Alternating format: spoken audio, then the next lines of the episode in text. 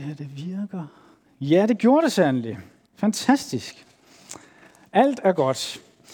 Men øh, ja, det er jo den her overskrift, øh, vi skal være sammen om den her søndag. Hvad koster det at være kristen? Og øh, den tekst, vi skal læse, den står i Lukas evangeliet kapitel øh, 14, vers 25 til 35. Og den står heroppe også, hvis I kan læse det, så kan I jo gøre det. Og jeg ved ikke, om I plejer at rejse jer op, men det synes jeg, at vi skal gøre her i respekt for Guds ord.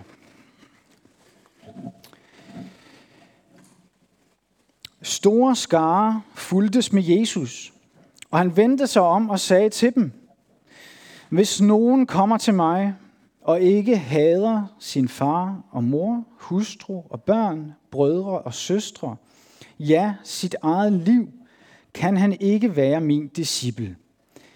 Den, der ikke bærer sit kors og går i mit spor, kan ikke være min disciple.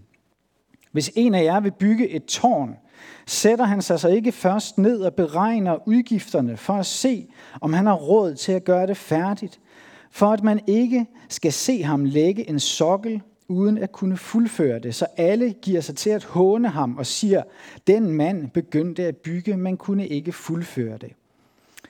Eller hvilken konge ville drage i krig mod en anden konge, uden først at have sat sig ned for at overveje, om han med 10.000 mand er stærk nok til at møde ham, der kommer imod ham med 20.000.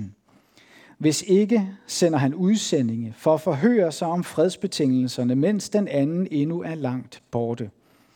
Sådan kan ingen af jer være min disciple, uden at give afkald på alt sit eget. Salt er en god ting, men hvis, ikke, øh, men hvis salt men hvis selv saltet mister sin kraft, hvordan skal det da blive salt igen? Det duer hverken til jord eller gødning, man smider det væk. Den, der har ører at høre med, skal høre. Herre, det var dit ord til os den her dag, og nu beder vi dig om, at du ved din helligånd vil forklare det for os, og åbne vores hjerter for det, du vil tale til os den her dag. Amen.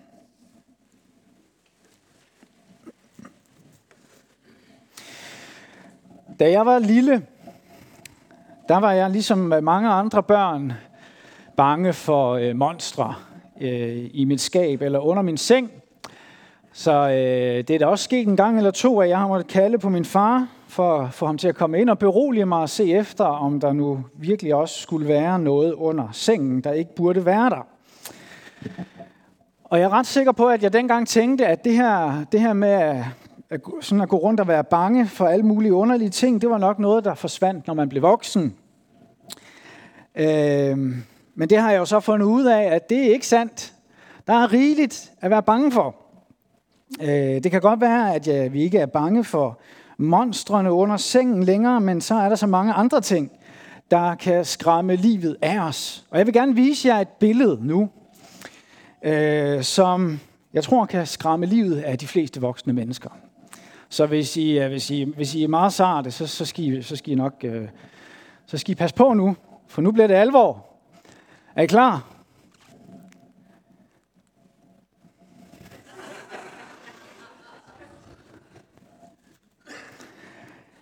Ja, jeg ved det godt. Og jeg vil gerne sige undskyld for at bringe jer i den her situation og, og give jer det her traume på en helt almindelig søndag. Fordi det er jo mildest talt et skræmmende syn, det her. Benzinpriser op omkring 20 kroner literen. Og det stopper jo ikke der i de her tider. Vi har den her forfærdelige inflation kørende lige nu, der gør, at alt fra mælk og ja, til smør og det hele, det stiger og stiger i pris. Og hvad skal vi gøre? Vi kan ikke gøre særlig meget. Vi kan skrue ned for forbruget, men ja, det er lige til bare at, undskyld, det er lige til bare at sætte sig ned og, og, og græde over. Det er skræmmende.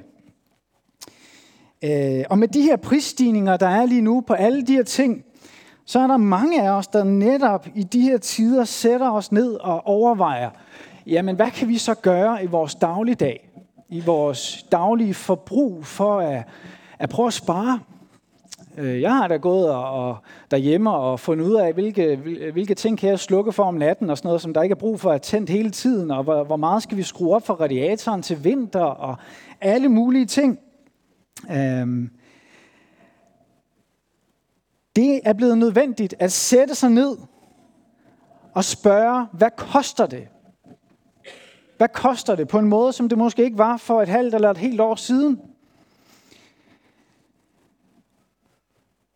Det er blevet mere aktuelt end nogensinde at gøre det, som Jesus taler om i dagens tekst, at nemlig at sætte sig ned og beregne sine udgifter, revidere sit budget og skære overflødige udgifter væk. Og det er lige præcis det, vi skal kigge på i dag. Det her spørgsmål, jamen hvad koster det at være kristen? Hvad er udgifterne ved det? Øhm For det er et spørgsmål, som Jesus tvinger os til at, at forholde os til i dagens tekst.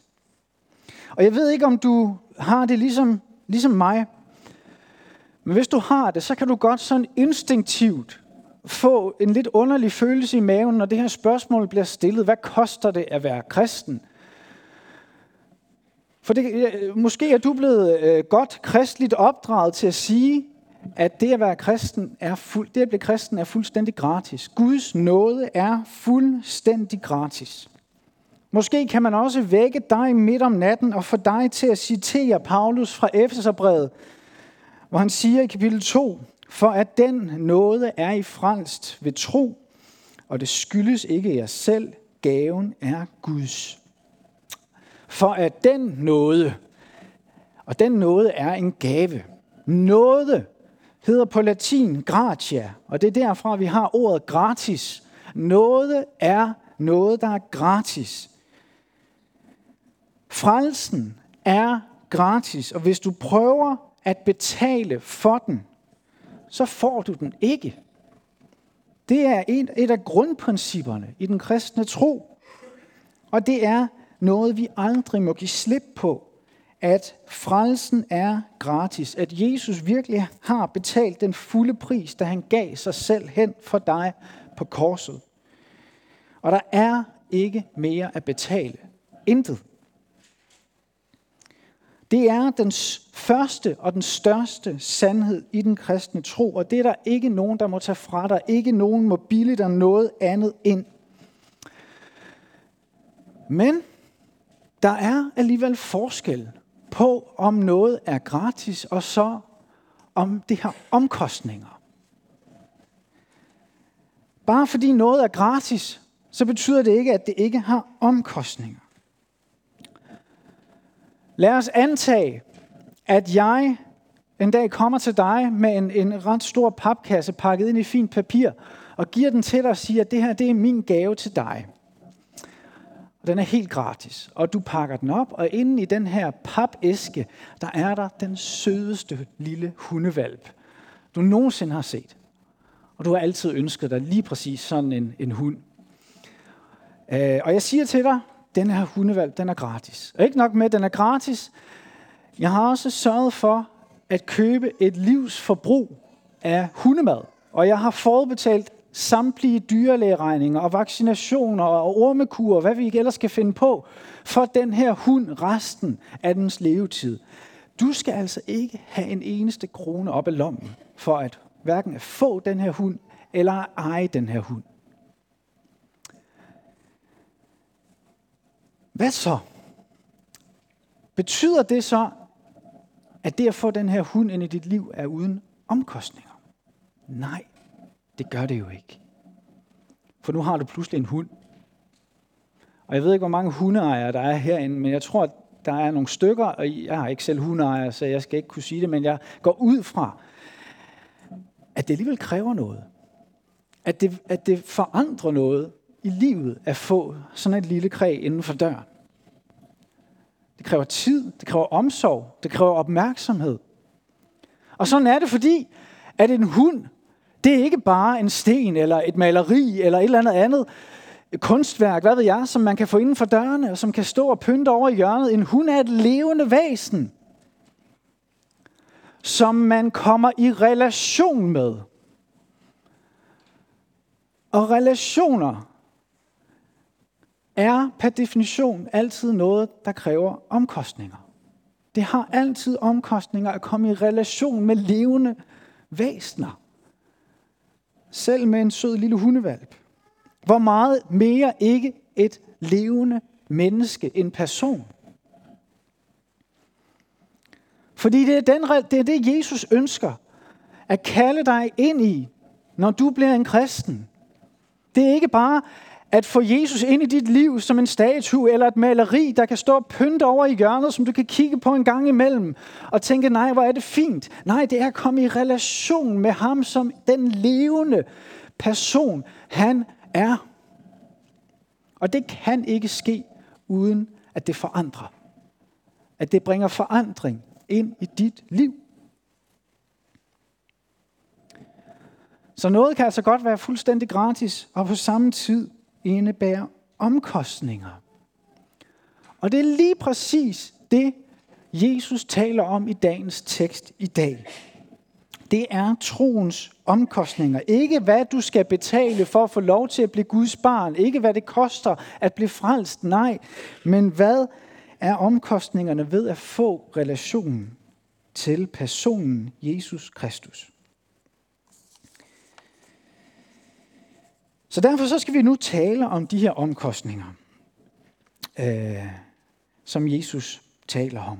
Den her pris, øh, som, eller hvad vi kalder det. Altså ikke prisen for at komme ind i varmen og, og blive Guds barn, men omkostningerne, konsekvenserne, der er helt uundgåelige ved at blive Guds barn er ren noget. Øhm, og jeg vil gerne starte med elefanten i rummet. Nu læste vi teksten før, og jeg tænker, at der var noget, der sikkert sprang ret meget i øjnene hos mange af jer, da vi læste den tekst. Det er noget af det, som de fleste stopper op ved i den tekst og tænker, hvad foregår der lige der? Øh, og det er jo det, Jesus siger helt i starten af teksten, at hvis nogen kommer til mig og ikke hader sin far og mor, hustru og børn, brødre og søstre, ja, sit eget liv, kan han ikke være min disciple.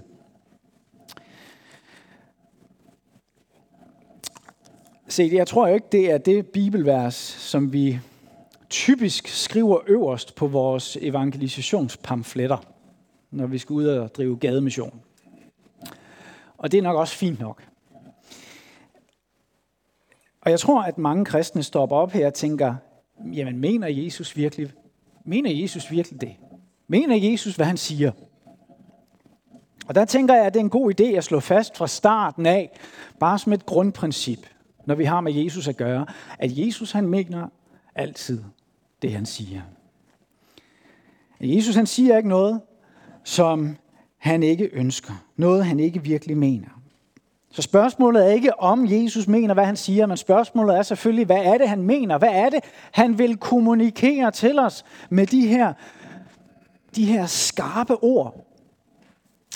Og her tror jeg, at vi skal, vi skal øh, være meget opmærksomme for det virker jo, lad os bare sige, mildest talt usandsynligt, at Jesus skulle mene, at det er en forudsætning for at være kristen, at vi nærer et følelsesmæssigt intenst had til vores nærmeste familie. At vi, når vi kommer til tro på Jesus bagefter, kigger på vores mor og far, eller børn, eller søsken, og tænker, føj, dem kan jeg bare ikke lide længere.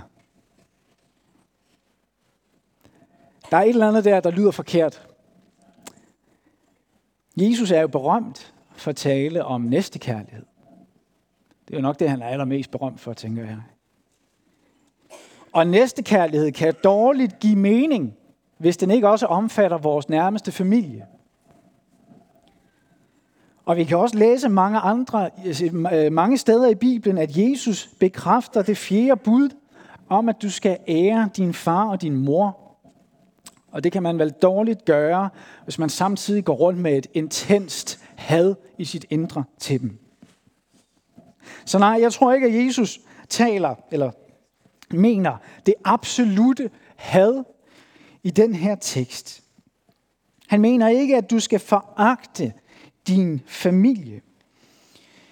Men faktisk er det sådan, at når vi læser i det gamle testamente, så ser vi flere gange de her udtryk, at hade og at elske, brugt på en måde, som meningen ikke er det absolute øh, øh, had eller kærlighed, altså at du enten hader noget eller elsker noget, absolut.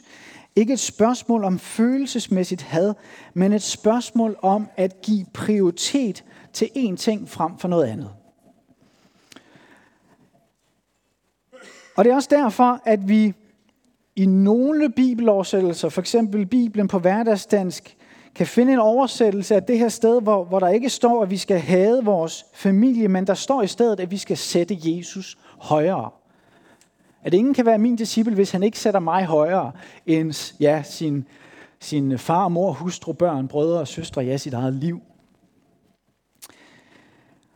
Og der er også nogle oversættelser, der vælger udtrykket at elske mindre. At elske mindre. I stedet for at hade. Og det giver god mening. Set i hele Bibelens lys. Set i lyset af det gamle testamente, som Jesus jo havde som sin Bibel. Der giver det mening, at det er den måde, Jesus bruger det her ordpar, at hade og at elske her. Og set i det lys, så er der ingen grænser for, hvor højt du må elske dine forældre, din ægtefælle, dine børn eller dine søskende. Bare du elsker Jesus højere. Men hvorfor siger Jesus så ikke bare det? Hvorfor bruger han ikke bare de ord, der er meget nemmere at forstå? Hvorfor siger han ikke bare elske mindre i stedet for det her frastødende ord hade? Dels tror jeg, at Jesus vil skærpe vores opmærksomhed her. Dels tror jeg, at han vil have os til at spidse ørerne. Han vil provokere os til, fordi der er noget vigtigt på spil her, så vi, så vi rent faktisk får gang i de små grå, bliver tvunget til at overveje, hvad foregår der? Og så er der det forhold, tror jeg, at Jesus ikke bare siger, I skal elske jeres familie mindre end mig, fordi kærlighed ikke bare er kærlighed. Kærlighed er altid forskellig, alt efter hvem den er rettet imod. Jeg elsker mine børn, og den kærlighed, jeg har til mine børn, det er langt på vej en, hvad kan vi kalde det, en beskytters kærlighed. Og jeg elsker min kone, og det er med en kærlighed, man langt på vej kan kalde en romantisk kærlighed. Jeg elsker Arsenal det ved jeg ikke, hvad det er for en slags kærlighed. Men det er i hvert fald ikke den samme kærlighed, som jeg har til hverken min kone eller mine børn. Det er pærer og bananer simpelthen. Det kan ikke sammenlignes. Den kærlighed, jeg har til min kone, er ikke den samme slags kærlighed, som jeg har til mine børn. Det vil blive noget mærkeligt noget. Eller omvendt. Kærlighed er ikke bare kærlighed. På samme måde så er den kærlighed, som Jesus ønsker, at du må have til ham, er ikke bare at tage den kærlighed, du har til dine forældre, eller til dine børn, eller til din ægtefælle, og så bare prøve at skrue den helt op på max. Og rette den mod Jesus. For Jesus kalder dig ikke til at elske ham med, lad os sige, en beskytters kærlighed, eller med den kærlighed, du har til dit sportshold, eller til den slags romantiske kærlighed, du har til din ægtefælle. Nej, den kærlighed, Jesus kalder på, er noget andet. Og noget langt mere fundamentalt. Den kærlighed, Jesus taler om, som han kalder dig til at elske ham med, det er den kærlighed, der indebærer, at du sætter ham på den absolute første plads i dit liv. At han bliver fundamentet for alt, hvad du er. Det er en plads, som du ikke giver, håber jeg, til hverken din ægtefælle, dine børn, dit sportshold eller noget andet. Den kærlighed, der siger, at bare, at, at hvis jeg ikke har den elskede her, så er jeg absolut intet. Så har jeg ikke længere noget som helst i mit liv. Det er den kærlighed, Jesus kalder dig til at elske ham med. Det er, hvad det betyder at være hans disciple. At give ham den absolute første plads i dit liv, at lade ham være din herre og mester. Suverænt. Det skal din ægtefælle ikke være. Det skal dine børn ikke være. Det er kun Jesus, der kan bære at have den plads i dit liv. Alle andre vil bukke under. Under presset, du lægger på dem, hvis du prøver at give dem den plads, den kærlighed. Så det er, tror jeg, altså meningen med de her kontroversielle ord fra Jesus. Altså, at ingen kan være disciple af ham, uden at det har den konsekvens eller omkostning, at så er det altså også ham, der er den ultimative herre i dit liv. Ham, der har den ultimative førsteplads. Når det sker, når Jesus får den plads, så vil det kunne mærkes i dit liv. Det vil få konsekvenser. Det kan ikke være anderledes. Og jeg vil gerne pege nu på tre områder af dit liv, tror jeg, der står centralt her, hvor det at få Jesus som herre må få naturlige konsekvenser. Og vi skal i den forbindelse læse tre forskellige steder i Bibelen, hvor Jesus taler om de her ting. Og prøv at lægge mærke til, at alle tre steder, der er det er en forudsætning. Hvem er din herre? Hvem er din herre? Og det første, jeg vil nævne, det er selvfølgelig en af klassikerne, det er penge. Og det er jo meget naturligt netop i dag, hvor vi så også taler om omkostninger. For det at få Jesus som herre, det må få konsekvenser for dit forhold til penge. Og i Matthæus kapitel 6, vers 24, der taler Jesus på den her måde. Og læg mærke til, ja, spørgsmålet hvem der er din herre. Og igen, der ser vi også, øh, ej, nu læser jeg det. Ingen kan tjene to herrer. Han vil enten hade den ene og elske den anden, eller holde sig til den ene og ringeagte den anden. I kan ikke tjene både Gud og mammon. Fundamentet, det fundamentale spørgsmål er, hvem er din herre? Og læg også mærke til, her bruger Jesus igen det her ordpar med at hade og at elske. Men igen, på en måde, hvor det ikke giver mening at sige, at det er et krav til dig, at du skal gå rundt med et inderligt følelsesmæssigt had til, hvad der er i din pengepunkt lige nu. Det er ikke det, Jesus mener. Men spørgsmålet er, hvem har førstepladsen? Hvem bestemmer over dig? Og når du er en kristen, så er virkeligheden for dig, at der ikke længere er noget af dit, som virkelig er dit. Det kan godt være, at det står på en konto i dit navn, eller på et skøde i dit navn. Men i sidste ende tilhører det Jesus. Og du er forvalter af det, som tilhører Jesus. Og det må få betydning for, hvordan du tænker om din ejendom og dine penge. Det må på en og samme tid betyde, at du bliver mere nøjsom og mere gavmild at du bliver mere nøjsom i forhold til, hvordan du bruger pengene på dig selv, og mere gavmild i forhold til andre. Det er en af omkostningerne ved at få Jesus som herre.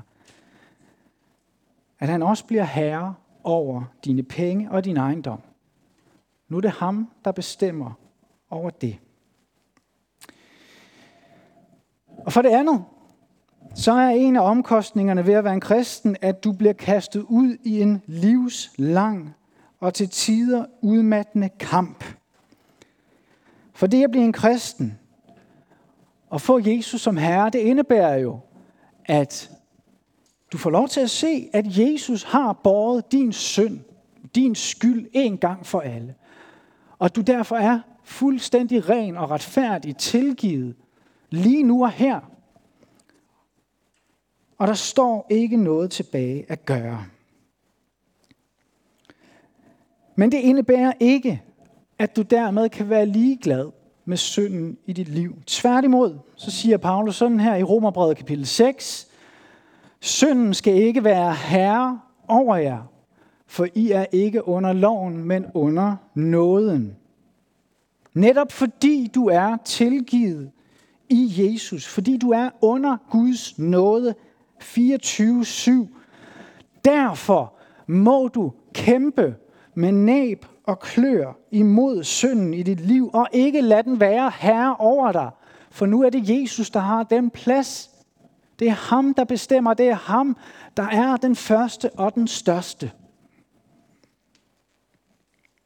Og derfor så vil livet med Jesus som din herre føre til en livslang kamp mod synden. Og det er en kamp, hvor du måske nogle dage synes, at du faktisk lykkes og forbedrer dig på nogle punkter, men så pludselig ser, hvor slemt det står til på andre. Det kan være egoisme, hissighed, voldelighed, misundelse, racisme, utroskab, begær, sjofel snak, griskhed osv. Det er en kamp, der varer livet ud.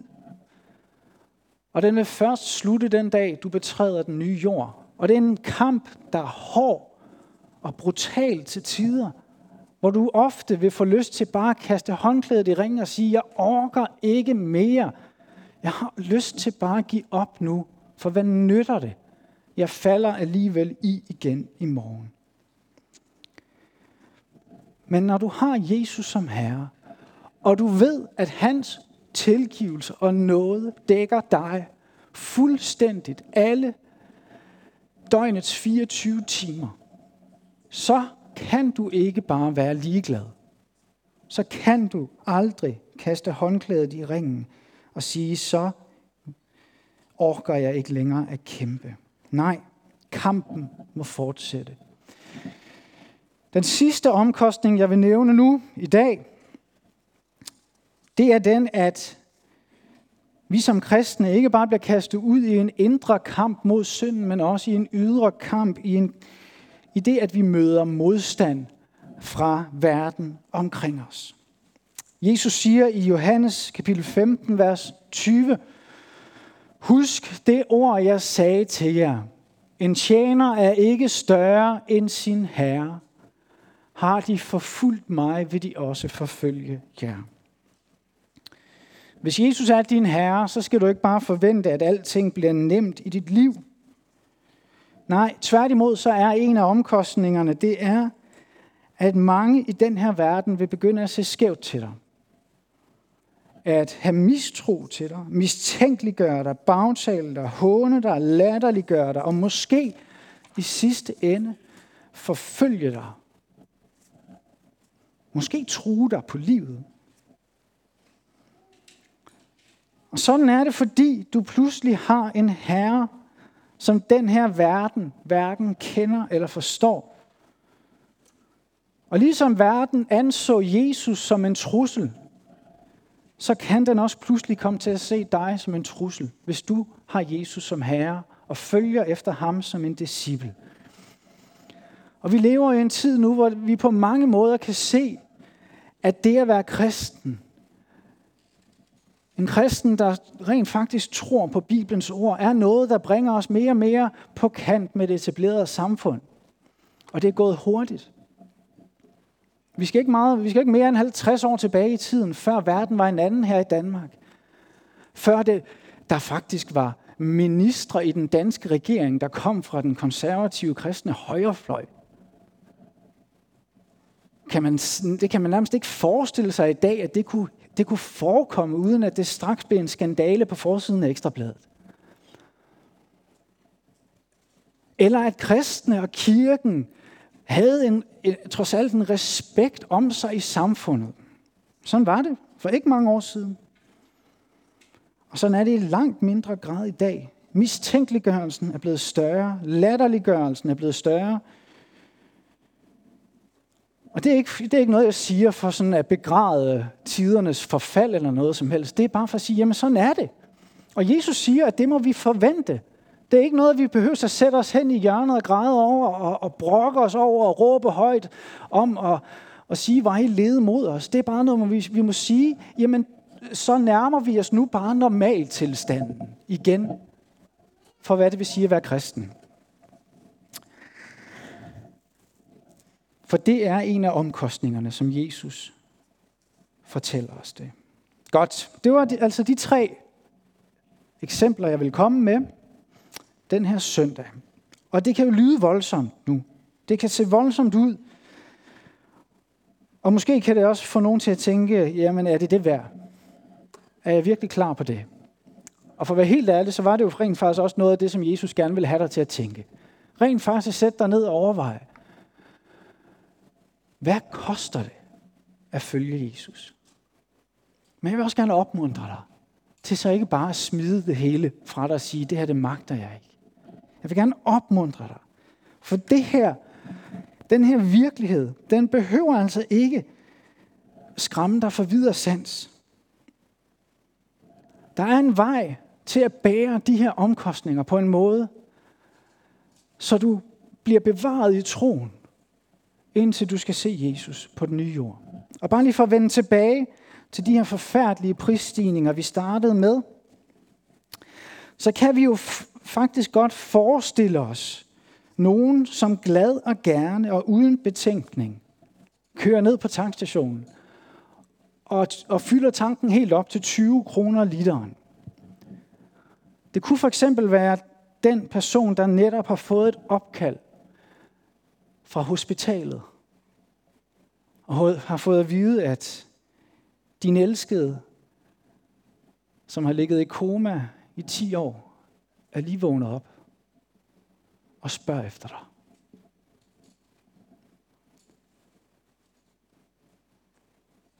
Så er det bare med at komme afsted. Og tanken den er tom. Vi må ned på Q8. 20 kroner literen. Det er fint. Fyld den op. Og det skal være nu. Jeg skal afsted. For min elskede spørger efter mig.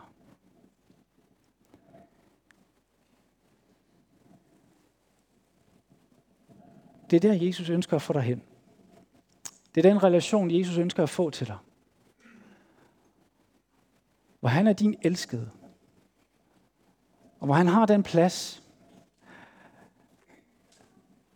i dit liv, der får dig til at sige, jeg er klar til det værste. Jeg er klar til simpelthen at bære det værste, som livet med Jesus kan byde på. Fordi det, der venter mig i sidste ende, det er så stort, så fantastisk, at det overhovedet ikke kan sammenlignes med den smerte, som jeg må bære i det her liv på vandringen mod målet. For det er Jesus, der er din store kærlighed, og han kalder på dig. Han kalder dit navn og siger, nu vil jeg have dig som min. Kom.